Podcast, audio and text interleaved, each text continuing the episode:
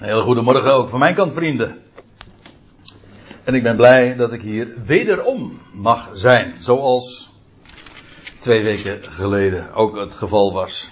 En dat schiep de mooie gelegenheid om eens een korte serie te maken. Namelijk een, in dit geval een Bijbelhoofdstuk te bespreken. Dat een beetje al te veel was om dat in één keer te doen. Maar dat zich wel heel goed ervoor leent om dat in twee keer te bespreken. En we hebben dat. Psalm 139, want daarover hebben we het. Deze hele bekende psalm, mag ik wel zeggen. Maar tegelijkertijd, en dat is wat ik al uh, ook de eerste keer heb hopen duidelijk te maken. Uh, dat uh, ik heb daarin ook naar voren gebracht hoe onbekend het ook is, dat wil zeggen als het gaat om de profetische betekenis en de messiaanse rol die deze psalm speelt, dat wil zeggen het verwijst naar hem die zou komen. Het is een psalm die Davidisch is, geschreven, gecomponeerd door David, maar het schrijft en het spreekt over de zoon van David. En dat was de optiek, het oogpunt van waaruit we deze psalm met name ook hebben gelezen. Deze psalm die vooral bekend is omdat het God beschrijft, bezingt, is eigenlijk een beter woord, in zijn enorme grootheid, in zijn alwetendheid, in zijn alomtegenwoordigheid. Dat is een term die je niet zo in de Bijbel vindt, maar hij is waar ik ben, daar is hij. En al ging ik naar het uiterste van de zee, we straks ook nog lezen, dan is hij daar. Dat wil zeggen, God raakt jou nooit kwijt. Hij vindt jou altijd. Uh, ook zijn almacht, dat is trouwens wat we straks ook zullen zien. Wordt daarin uh, bezongen. Nog eventjes uh, is het goed om wat te vertellen over de, de structuur van de psalm. Ik ga dat niet, uiteraard niet herhalen van wat ik uh, gezegd heb, maar misschien mag ik het even naar voren brengen. Dat deze psalm, en zo heet dat, en dat heb ik de vorige keer niet verteld maar is chiastisch van structuur, zoals je dat trouwens heel uh, vaak in de psalmen treft, aantreft. Dat wil zeggen, een structuur hoeft niet per se die aanduiding te hebben. Er zijn allerlei soorten structuren, maar dit is een bekende en dat heet chiastisch en dat is naar de Griekse letter chi en dat is onze x. En die is vooral bekend ook uh, als uh, letter die je heel dikwijls ook ziet uitgebeeld van Christus. Dat wil zeggen de eerste letters van uh, de naam of van de titel Christus. Je kent ook wellicht dit symbool. Dit is dan de, de, de G en dit is dan de letter, onze P, maar in het Grieks is dat de R. Dus gr staat er eigenlijk en dat is de, de aanduiding van Christus. En waarom noemt men dat een chiastische structuur? Dat is heel erg boeiend, want dat betekent dat de psalm uiteenvalt in twee helften die elkaars spiegelbeeld vormen. Zoals je dat ook dus ziet, eigenlijk is een x niks anders dan twee spiegelende v's. En dat betekent dat in dit geval uh, het eindigt waar het begon. En dat zie je dus heel duidelijk. Alles uh, wijst naar het middelpunt toe. En vanuit het middelpunt uh, gaat het. Nee, eigenlijk het, het, het, tweede deel, ik zal het straks ook laten zien. Uh, werkt vanuit het middelpunt. Dus het eerste deel naar het middelpunt toe. En het tweede deel vanuit het middelpunt. dus zoals je dat eigenlijk dus ziet in die, die G. Het gaat eerst naar het middelpunt en dan vervolgens weer vanuit het middelpunt. En dan eindigt het waar het begon. Nou, eh, als je het dus eventjes zo afbeeldt, ik heb het de vorige keer ook laten zien, ik ga het nu niet toelichten, maar eventjes om die chiastische structuur te laten zien, dan zie je dus dit. Dit is het middelste gedeelte, waarbij dat uiteenvalt in twee gelijke helften. En je ziet dat dan vervolgens ook dat alles, u ziet het, deze lijn, dat is elkaars uh, perfecte spiegelbeeld. En dan zie je dus uiteindelijk het begin komt overeen met het einde. En je zou het dus ook uh, weer zo uh, op deze manier kunnen zien. Dus het springt telkens op deze wijze over.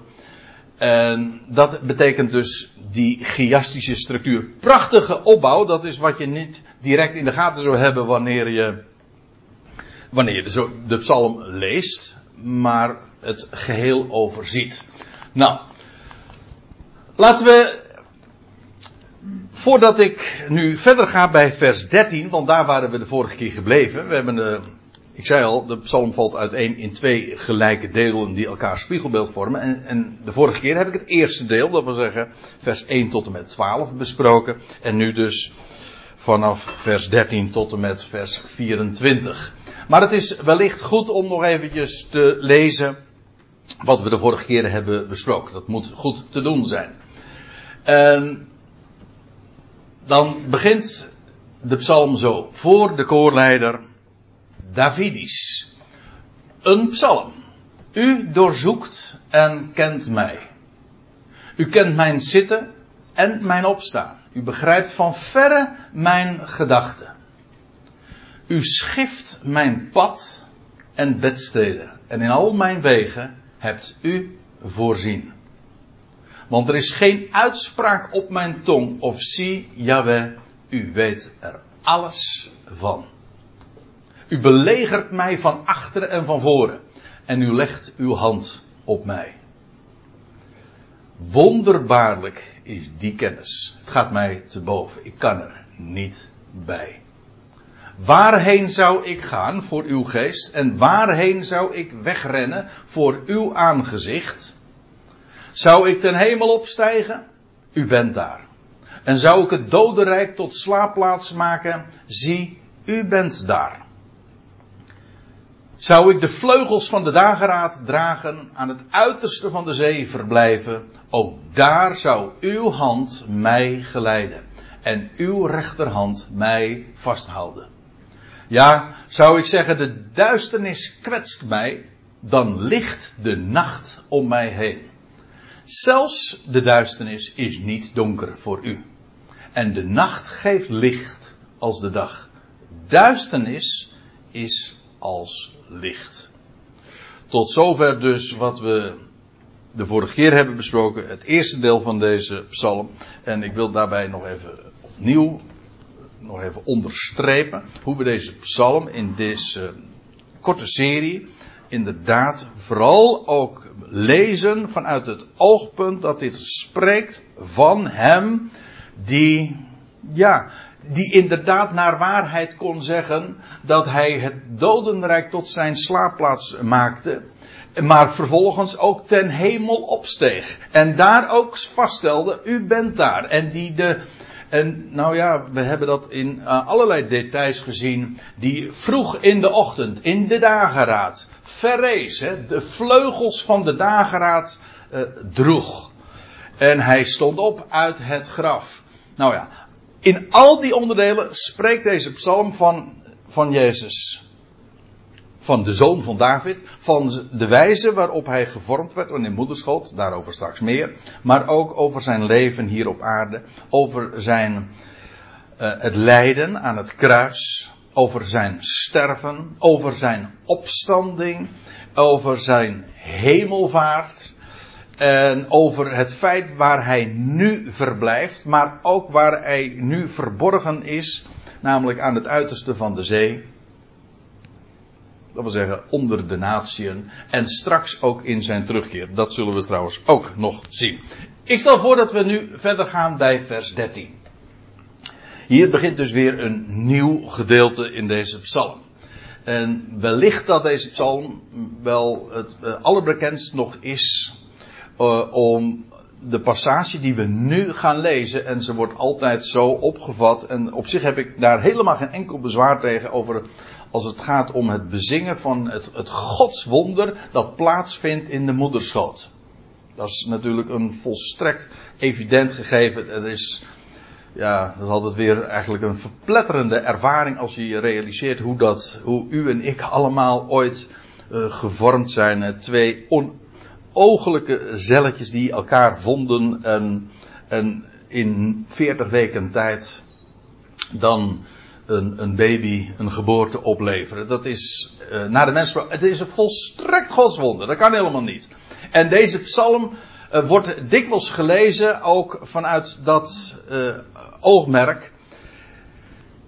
En hoe waar de gedachte op zich ook is, wil ik juist nu laten zien dat dit niet zozeer gaat over de mens in zijn algemeenheid. Hoezeer ook dat een godswonder is, de vorming daarvan in de moederschoot.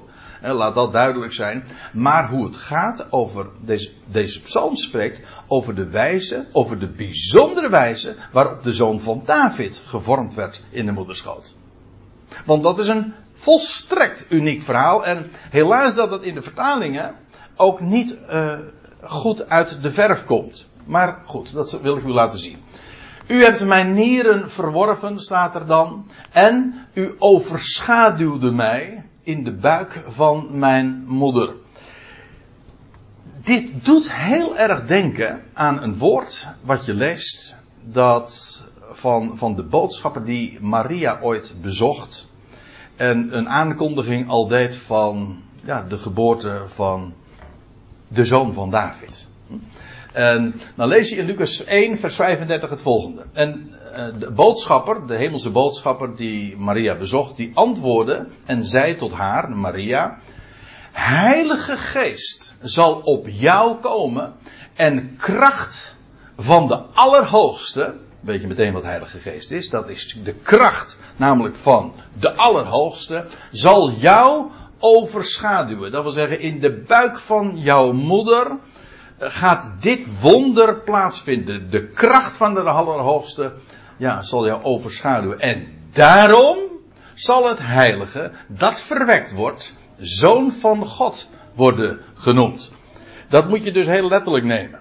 Uh, want de vraag was, ja, hoe kan dat nu? Dat was de vraag van Maria. Hoe kan ik nu uh, de geboorte geven aan een, aan een zoon, daar ik helemaal geen gemeenschap heb met een man? En dan krijgt ze dit antwoord. Ja, wacht even. Maar het zal de kracht van de Allerhoogste zijn die jou in de buik van jouw moeder gaat overschaduwen. En waardoor met recht hij zoon van God is. Dat wil zeggen, verwekt niet door een man, zoals alle, al die miljarden mensen die er zijn sinds Adam. Nee, hij is vol, op een volstrekt unieke wijze en ook letterlijk de zoon van God, namelijk verwekt door de Allerhoogste zelf. U hebt mijn nieren verworven en u overschaduwde mij in de buik van mijn moeder.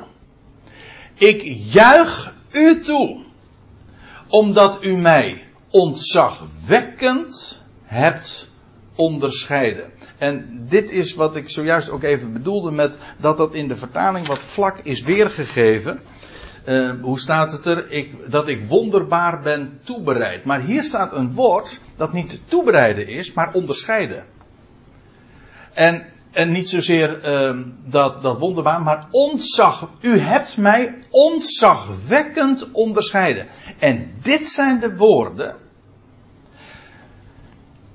van iemand die volstrekt uniek, ontzagwekkend is onderscheiden, volstrekt uniek gevormd is in de moederschoot. Want hoe geweldig het godswonder ook is dat wij allen, waarin wij allemaal ontstaan zijn, er is er één van al die miljarden mensenkinderen sinds Adam tot nu toe, er is er één die ontzagwekkend daarin is onderscheiden. Waarom? Omdat de kracht van de Allerhoogste Maria heeft overschaduwd.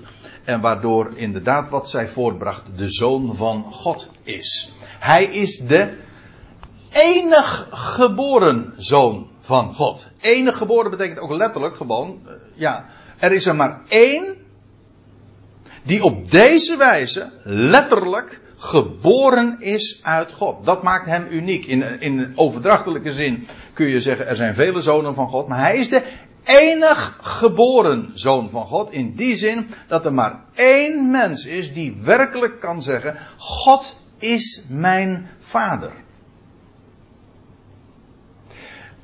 En daarin is hij ontzagwekkend onderscheiden.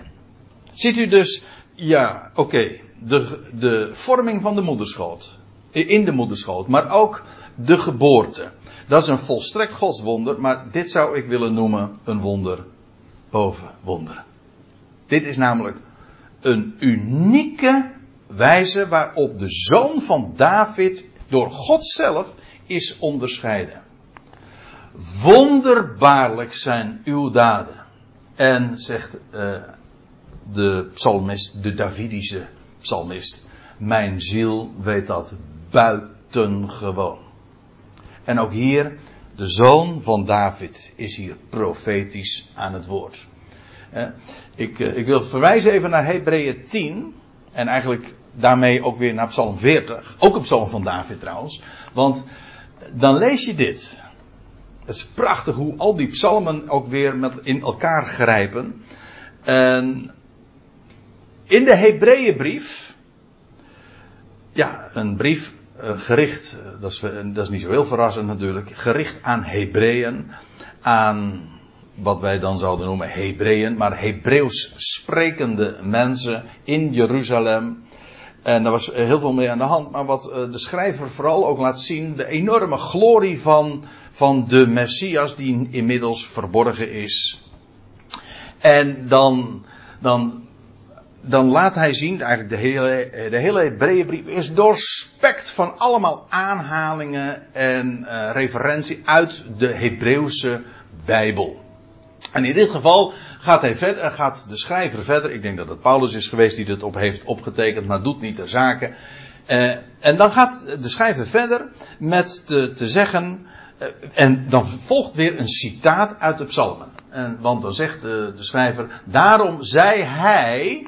En nu volgt een citaat uit Psalm 40. Wonderlijk genoeg. Ook weer een psalm van David. Uh, daarom zei hij, terwijl hij de wereld binnenkwam, en nou volgt het citaat, dus aanhalingstekens openen. Slachtoffer en offergave wilde u niet. Als u dus, u kunt dit op twee manieren lezen, in Hebreeën 10, maar je kunt het ook in Psalm 40 teruglezen. Slacht, en daar, staat al, slachtoffer en offergave wilde u niet. Maar voor mij bereidde u een lichaam toe. Hé, hey, dat is eigenaardig. Het is sowieso een heel eigenaardige eh, zin, want je zou zeggen van ja, maar is het niet zo dat al die slachtoffers en die offergaven zoals die in het Oude Testament gebracht werden, eh, is dat niet door God verordineerd? Dat wil zeggen, heeft hij zelf dat niet vastgelegd en, en, en dat Israël dat zou doen? Ja, dat is waar. Het werd naar de wet gebracht, dat, wordt trouwens in datzelfde Hebreeën 10 ook aange, uh, of uitgelegd en toegelicht. Inderdaad, het wordt naar de wet gebracht. Maar het was niet waar God op doelde. En die slachtoffers en offergaven hij hadden eigenlijk alleen maar, uh, maar één betekenis. En dat is dat ze vooruit wezen. Het, het, gaat dus niet om die slachtoffers en die offergaven aan zich, want het is, die hebben helemaal geen enkele betekenis. Het gaat erom dat ze een uitbeelding zijn van Gods plan en verwezen naar Hem ja, die God zelf heeft bereid en hem een lichaam heeft, ja, bereid. Dat is heel eigenaardig. U hebt mij een lichaam bereid. Dat zegt, en dat gaat over de zoon van David. Die dus eigenlijk daar ook weer uh, terugdenkt aan het feit dat God hem zelf ooit een lichaam bereidde. Dat kunnen u en ik eigenlijk niet op die manier zo zeggen. Maar de zoon van God wel. Die kan zeggen van ja, u zelf. U zelf hebt in de schoot van uh, mijn moeder mijn lichaam bereid en verwekt. Okay, ik lees even verder. Slachtoffer en offergave wilde u niet, maar voor mij bereidde u een lichaam toe. In brandoffers en offers omtrent zonde hebt u geen welwagen, daar gaat het u niet om. En toen zei ik, zie, ik kom. En dan volgt eventjes een, een, tussenopmerking. In het hoofd van de boekrol staat omtrent mij geschreven. Dus eigenlijk als je die haakjes eventjes weglaat, dan staat er, toen zei ik, zie ik kom. om uw wil te doen. En hoezo om uw wil te doen? Wel, omdat in de boekrol, de Hebreeuwse Bijbel, de geschriften, of als je het als eenheid opvat, de schrift, de boekrol, staat over mij geschreven. En daarom wist de zoon van David wat hem te doen stond. De Heer Jezus Christus hier op aarde heeft zichzelf leren kennen vanuit de boekrol. Hij heeft als kind, we, eigenlijk het is heel opmerkelijk, we weten van het grootste gedeelte van het leven van de Heer Jezus eigenlijk helemaal niks. Wat we beschreven vinden in de Evangelie is, is uh, dat wat er heeft plaatsgevonden vanaf zijn dertigste jaar tot aan zijn 33ste jaar, namelijk de jaren dat hij rondgewandeld heeft en in openbaarheid heeft opgetreden om uiteindelijk te sterven en op te staan, uiteraard. Maar al die 30 jaren zijn zo goed als uh, blanco. We weten daar niks van. Nou ja, om met uitzondering van de gebeurtenissen rondom zijn geboorte. En één ding weten wij over zijn jeugd. En dat is dat hij als 12-jarige jongen verbleef in de tempel. Eigenlijk het enige wat wij weten als wat hij gedaan heeft tot zijn dertigste. Is dat hij bezig moest zijn. Wat, hoe zei hij dat? Met de dingen van zijn vader. En toen hij 12 jaar was en eh, bij gelegenheid uh, met van het Pesach in de tempel was in, in Jeruzalem, toen stonden de, de, de, de rabbies, de rabbijnen, de, de schriftgeleerden echt met zulke ogen te kijken en ze met hun oren te klapperen. Wat dat kleine ventje, dat jonge ventje, wist van de schriften. Ze stonden versteld van wat hij wist van de schriften. Eigenlijk is dat het enige wat we weten. En dus als u mij vraagt, ja, wat, wat heeft de Heer gedaan in die eerste 30 jaar? Nou, dat is heel simpel. Hij was bezig met de dingen van mijn vader. Weet u nog dat Jozef en Maria hem toen nog zochten? Twee dagen en op de derde dag vonden ze hem. Prachtige geschiedenis trouwens. Maar goed, uh, en dan, dan vinden ze en dan zeggen ze: Uw vader en uw moeder hebben u al die tijd gezocht. Uw vader en uw moeder, zeggen ze dan. Nou, dat is slechts tot op zekere hoogte waar. Wettig gezien klopte dat. Maar zijn, dan antwoordt de Heer, wisten jullie dan niet dat ik bezig moest zijn in de dingen van mijn vader? De echte. Degene die mij verwekt heeft. En wat ik eigenlijk daarmee wil zeggen is, de Heer Jezus heeft hier op aarde de boekrol bestudeerd. En onderzocht. En ook geweten wie hij was. En in de schriften zichzelf herkent. En ook in de psalmen. Dat is juist zo bijzonder. Dat als uh, de Heer Jezus psalm 139 las. Toen wist hij al, dit gaat over mij. En toen hij psalm 40 las. Toen wist hij, dit gaat over mij. En eigenlijk heel de schrift getuigde van wie hij is, was en ook zou zijn en wat hem te doen stond. Kortom, wat, ja, wat Gods wil was. En al die offers die gebracht werden, die verwezen uiteindelijk naar wat hij zou gaan doen. Namelijk als het ware slachtoffer, die geslacht werd om vervolgens op te stijgen tot God, tot een liefelijke reuk in zijn opstanding. Ziet u dat zo'n citaat uit Psalm 40 verwijst naar de Heer Jezus Christus. En ook, en dat wil, daarom wil ik er ook eventjes nog uh, speciaal aandacht aan geven, aan de bijzondere wijze waarop dat geformuleerd wordt dat, dat hij, dat de, de Messias hier zegt, u, u hebt voor mij een lichaam bereid. U hebt mijn lichaam gevormd, zelfs sterker verwekt. En in de boekrol staat voor mij geschreven. Lees even verder. Mijn gebeente was niet verholen voor u, dat wil zeggen, u zag het.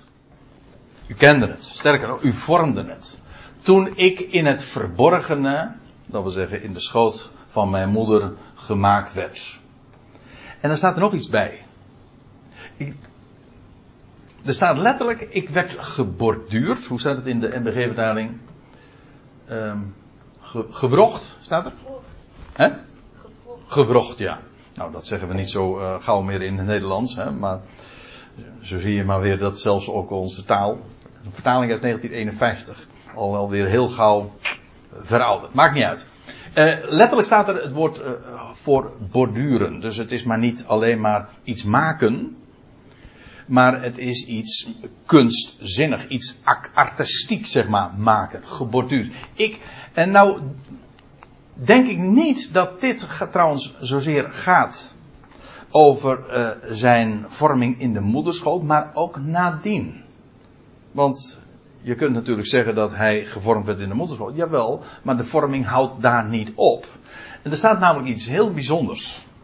Wat je natuurlijk heel gemakkelijk, omdat je het niet kan verklaren, uh, geef je er maar, ja, sorry dat ik het wat oneerbiedig zeg, geef je er maar een slinger aan. En zeg van, ja, dat zal het wel betekenen. Maar er staat, als, letterlijk staat er dus, ik werd geborduurd in de laagste delen van de aarde. Ja, wat, wat betekent dat? Nou, de Messias zegt hier, u hebt mij kunstzinnig gemaakt, gevormd, gewrocht. Uh, en waar was dat? Wel in de laagste delen van de aarde. Weet u waar de laagste delen van de aarde zijn? Even gewoon heel letterlijk. Niet, niet meteen uh, omdat je het niet begrijpt naar de, naar de overdrachtelijke betekenis grijpen. Maar gewoon, nee, neem het trouwens gewoon zoals het zich aandient. Ik denk, laat ik het zo zeggen. Ik denk dat de laagste delen van de aarde betekent de laagste delen van de aarde.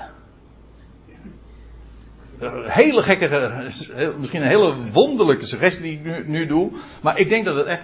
Kijk, ik zal je dit vertellen. De laagste delen van de aarde, daar woonde de Heer namelijk. Letterlijk. Er is geen plek zo laag, dat wil zeggen ver beneden de zeespiegel, op de hele aarde te vinden. U weet, wij wonen in Nederland en dat heet niet voor niks Nederland. Dat is een laag land en voor een groot gedeelte, tenminste het westen, is, uh, ligt het beneden de zeespiegel, maar dat is uh, een paar meter hooguit. Dat is al, dat is al heel laag. Uh, vandaar ook een Nederland, een laag land. Maar er is een plaats waar het nog veel dieper is. De laagste delen van de aarde, die vind je inderdaad, dat is, dat is een hele grote slenk eigenlijk, die begint daar ergens in, ik meen in Libanon. En dat gaat dan van het meer van Kinneret, Genezeret, Tiberias, en dan via de Jordaan, de Dode Zee. De Dode Zee is het absolute dieptepunt. Dat is zelf, want uh, het meer van Kinneret dat ligt zo ruim 200 meter beneden de zeespiegel. En dan gaat het via de Jordaan, gaat het nog lager, dan gaat het stroomafwaarts en nog weer uh, ruim 200 meter lager. En uh, dan rekenen we eventjes niet mee dat de Dode Zee ook nog weer op dit moment een hele lage zeespiegel heeft omdat ze min of meer aan het opdrogen is. Maar goed, dat uh, laten we eventjes voor wat het is. Het gaat erom, het gaat nog steeds lager. En die slenk gaat eigenlijk, loopt nog door naar de Rode Zee en zelfs helemaal naar Afrika toe. Tot Midden-Afrika, als ik me niet vergis. De grote slenk. Kijk het maar eens een keertje na in, in Wikipedia. Dat is, een, dat is een heel bekend begrip voor de seismologen en geo, wat, wat voor takken van wetenschap houden zich daarmee bezig. Maar in ieder geval, uh, de laagste delen van de aarde. Daar woonde de Heer, daar verbleef hij. Daar werd hij gevormd. Ook vanuit de schriften. Dus ik neem dit heel letterlijk. Van David zou je dit niet eens zo letterlijk kunnen zeggen. Maar van de zoon van David wel. Die werd inderdaad geborduurd in de laagste delen van de aarde. Zie je hoe al die teksten, al die passages, al die, die statements, uh, heel gemakkelijk van toepassing te brengen zijn op de mens in het algemeen. Maar als je heel goed kijkt, dan kan het niet missen. Dan moet het zelfs slaan op die ene unieke mens, de zoon van David. En inderdaad, in hem is het perfect vervuld. Uw ogen, zegt hij, de zoon van David, zagen mij ongevormd. En in, hé, hey, heb je het weer. In uw boekrol werden zij alle opgeschreven. Zij alle, wat, wat bedoelt hij daarmee? Nou, de dagen. Zij werden geformeerd. Toen nog niet één daarvan was. God heeft een script. Ook dat kun je natuurlijk in het algemeen zo zeggen. God, hij is degene die alles weet van tevoren. En hij heeft een plan en hij heeft een script en niets valt daar buiten.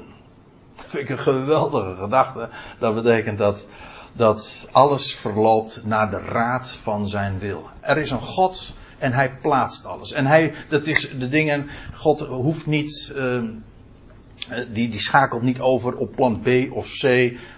Alles, hij verkondigde van den beginnen al de afloop. Er is nooit iets misgegaan. Alleen dat al geeft God de eer als de God, namelijk als de plaatser. Hij beschikt de dingen. Als je dat weet, lieve mensen, dan heb je vrede. Want die God, de grote auteur van alle dingen, de schepper, hij heeft een plan. En hij wist alles van tevoren. Zodat er, hij nooit voor verrassingen staan. Of ad hoc uh, nu eens uh, weer iets anders moet doen. Want ja, dit, uh, dit, er gebeurt nu iets wat niet voorzien was. Ik weet het, wat ik nu zeg, dat is misschien wel heel onorthodox. Want ja, in de theologie gaat men altijd ervan uit dat het in het verleden ooit mis is gegaan. En dan vervolgens moet, ja, toen is de mens gevallen en uiteindelijk, ja, dan moet God moest ingrijpen en dan probeert hij nog te redden wat er te redden valt. Maar nee. God is God. En voordat de dagen geworden waren, of er waren, had hij het allemaal in zijn script. Maar nu nog even iets anders. Dit is misschien de algemene toepassing en ik, ik, wil, hem, ik wil hem graag meegeven, want ik vind dat geweldig om daaraan te denken. Niet alleen omdat het mij rust en vrede en vreugde en perspectief geeft, maar omdat het hem de eer geeft als God. Maar nog iets. Nu even, zoals het hier staat. Uw ogen zagen mij omgevormd en in uw boekrol werden zij alle opgeschreven, zegt de zoon van David. De dagen en ze werden geformeerd toen nog niet één daarvan was. Dat wil zeggen, in de boekrol stond het allemaal. En ik denk ook gewoon, ook hier hebben we weer te denken aan dezelfde boekrol waar we het zojuist over hadden wat de Messias zei. In de boekrol staat omtrent mij geschreven. En hij, hij zegt dat. En hij is geboren. Er staat, dat is een, trouwens een schriftplaats waar ik het vanmiddag in Urk over mag hebben. In Galaten 4 vers 4, dus daar lees je over dat God zijn zoon zond in de volheid van de tijd. Dat wil zeggen, de termijn was verstreken. Toen moest het gebeuren. En ook wat de Heer vervolgens deed, het is allemaal perfect getimed. De, nou, bekend is, ik hoop tenminste dat u ook bekend is. En zo niet, dan, maak, dan uh, vertel ik het graag bij deze. Namelijk, hij stierf op het exact het juiste moment. Trouwens, God van zijn geboorte ook. En op een dag die God al van tevoren gefixeerd had. Zo, dan gaat het gebeuren. Geldt voor zijn opstanding ook. Hij stond op op de dag van de eerstelingsscharf. Had, stond allemaal in de boekrol al geschreven. De dagen, de dagen stonden al beschreven in de boekrol toen het nog honderden, wat zeg ik, duizenden jaren zou duren. Geweldig toch? Dat is goddelijk dat maakt de schrift ook tot zoiets bijzonders. Ik, ik moet even doorgaan. Hij zegt, uh, in uw boekrol werden zij alle opgeschreven, namelijk de dagen. En ze werden geformeerd toen nog niet één daarvan was. Hoe kostbaar zijn uw gedachten, God. Staat trouwens, uh, vers 2. In vers 23 werd gesproken over mijn gedachten. Maar nu is het uw gedachten die de Messias, de zoon van David, leerde kennen, uiteraard in de schriften. Waar anders?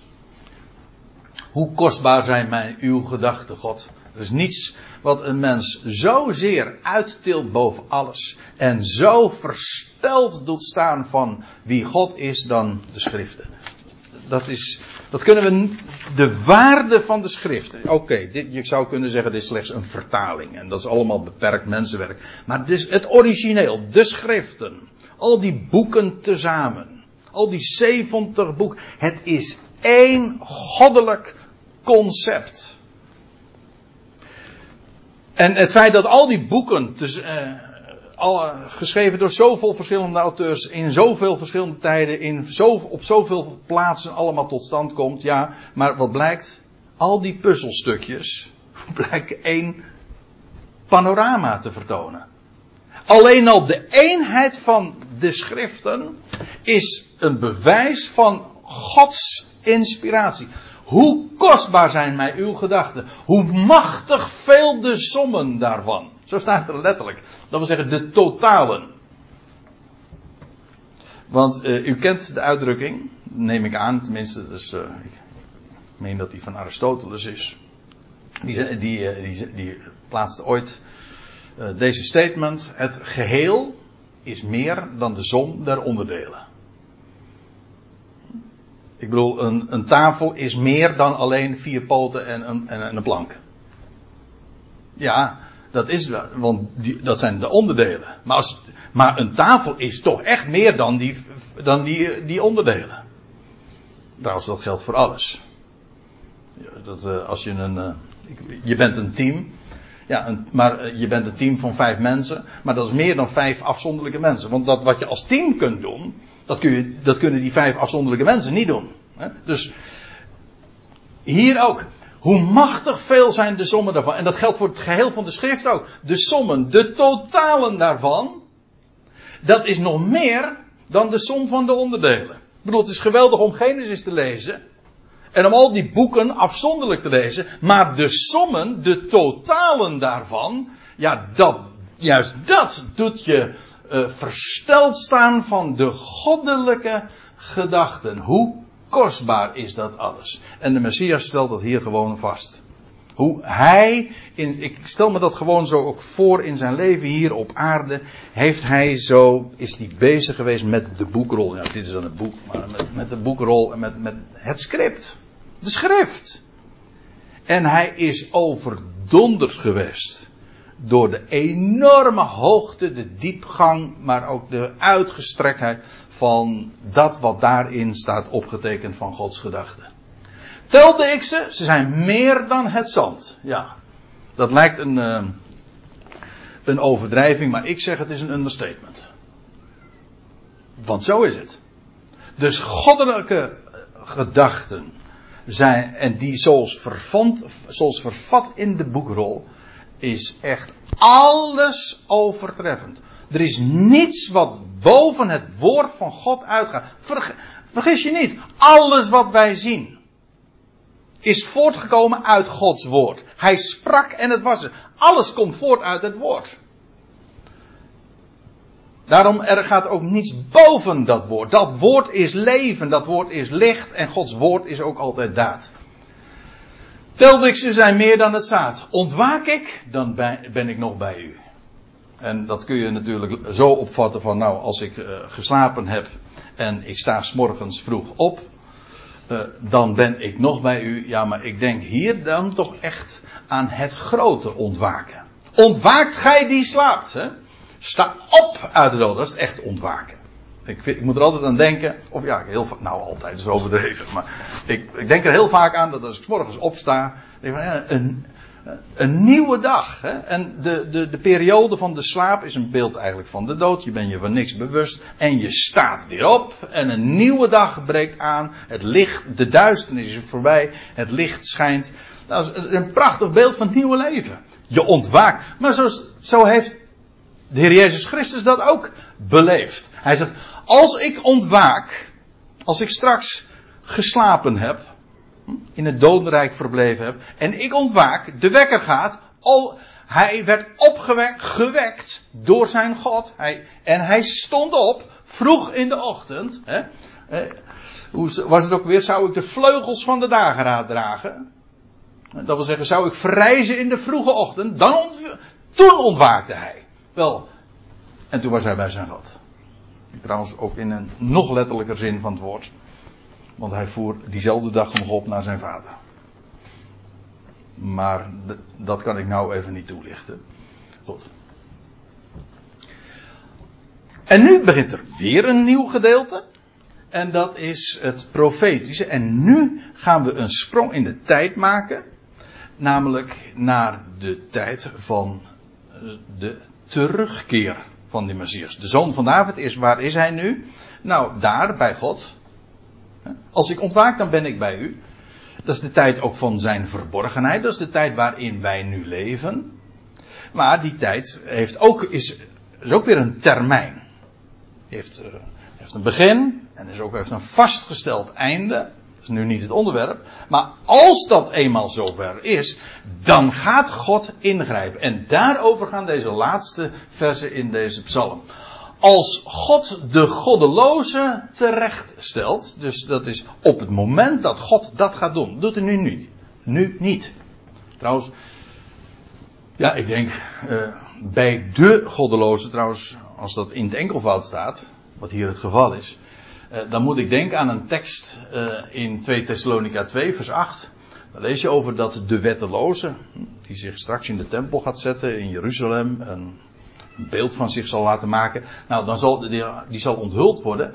En dan staat erbij, zegt Paulus in 2 Thessalonica 2, die de Heer Jezus uit de weg zal ruimen, in de adem van zijn mond en buiten werking zal stellen in de verschijning van zijn parousia, of van zijn komst. Dat wil zeggen, als hij komt, wel, dan gaat hij de goddeloze, de wetteloze, inderdaad uit de weg ruimen. En dat doet hij alleen maar door trouwens te spreken de adem van zijn mond. Want u weet uh, dat als je spreekt, dan doe je dat eigenlijk door je adem.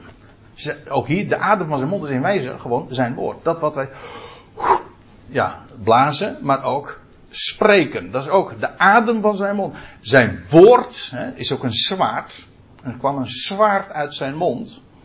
En die zal de goddeloze terechtstellen, uit de weg ruimen, buiten werking zal stellen. Kijk, we hebben een geweldig uh, blijde tijding. En ik hoop dat u dat ook allemaal weet. God heeft een geweldig plan met heel zijn schepping. Met elk mensenkind. En hij maakt alle dingen wel. Dat is onze God. Maar denk niet dat dat een zoetsappig evangelie is. Alsof God niet zou ingrijpen. Of omdat hij allemaal lief en aardig. En... Nee, helemaal niet. Dat zie je ook in deze psalmen. God, als God toornt, dus, trouwens ik moet er wel bij zeggen, het idee zoals dat in de, ja, in de, heel dikwijls in de christenheid, of eigenlijk al standaard in de christenheid verteld wordt, orthodox als men is, van dat God eindeloos toornt, dat kent de schrift niet. Het is altijd, ook de psalmen, een ogenblik duurt zijn toorn, en een leven lang zijn goede tierenheid. Dat zijn de verhoudingen. Maar als die toorn, dan is dat echt menens hoor. En straks zal dat ook blijken. Als God de, God de goddeloze terechtstelt. En dan zegt de psalmist erbij. Mannen van bloed, wijk voor mij. Als je weg. Ik, ik zal even verder lezen. En zij die tot u spreken om te beramen. Die voor niets, die voor niks, dat wil zeggen gewoon in ijdelheid, het tegen u opnemen. Weet u waar ik daarna moet denken? Aan weer een psalm. Ook van David. Psalm 2. Ik lees even gewoon een paar dingen voor.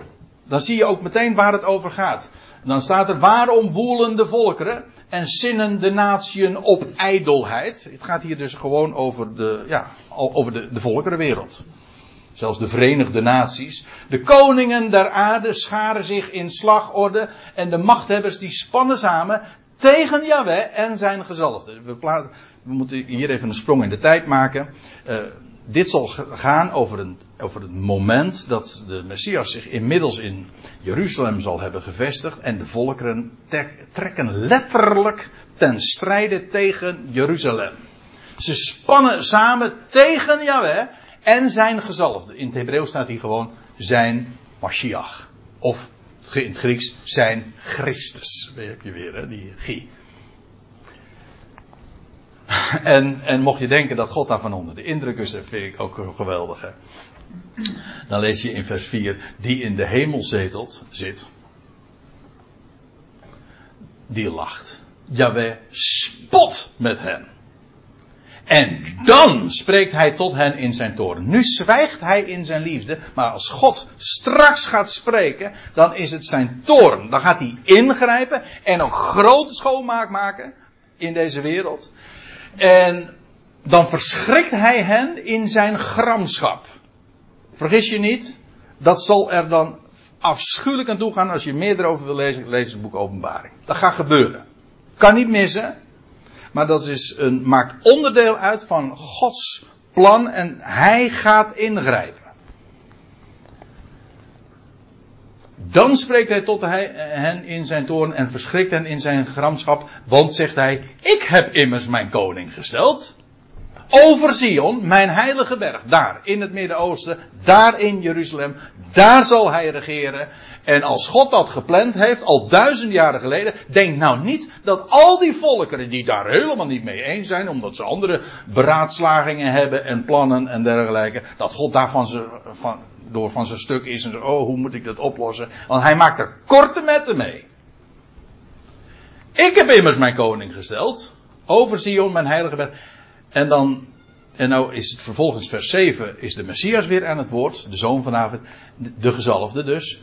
Ik wil gewagen van het besluit van Yahweh. Hij, Yahweh, sprak tot mij, mijn zoon ben jij. Ik heb je heden verwekt. Hier weer. Ik, verwekt door God zelf.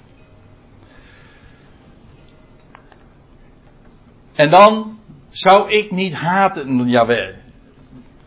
Uh, je zou zeggen van, hé, hey, wat eigenaardig zoals deze psalm eindigt. Ja. Maar vergis je niet, dit, nogmaals, dit gaat over de, de dag dat God gaat ingrijpen. Zou ik niet haten, Jawel, die u haten? Ik heb een afkeer van hen die tegen u opstaan.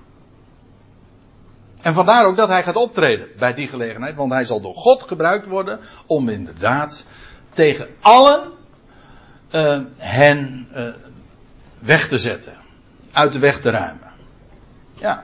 Ook dat is dus taal. De Bijbel, er staat in het psalm, uh, nee, dat is het boek Prediker. Er is een tijd van beminnen en er is een tijd van haten. Er is een tijd om te omhelzen en er is een tijd om je van het omhelzen te onthouden. Ook er is een tijd van toorn.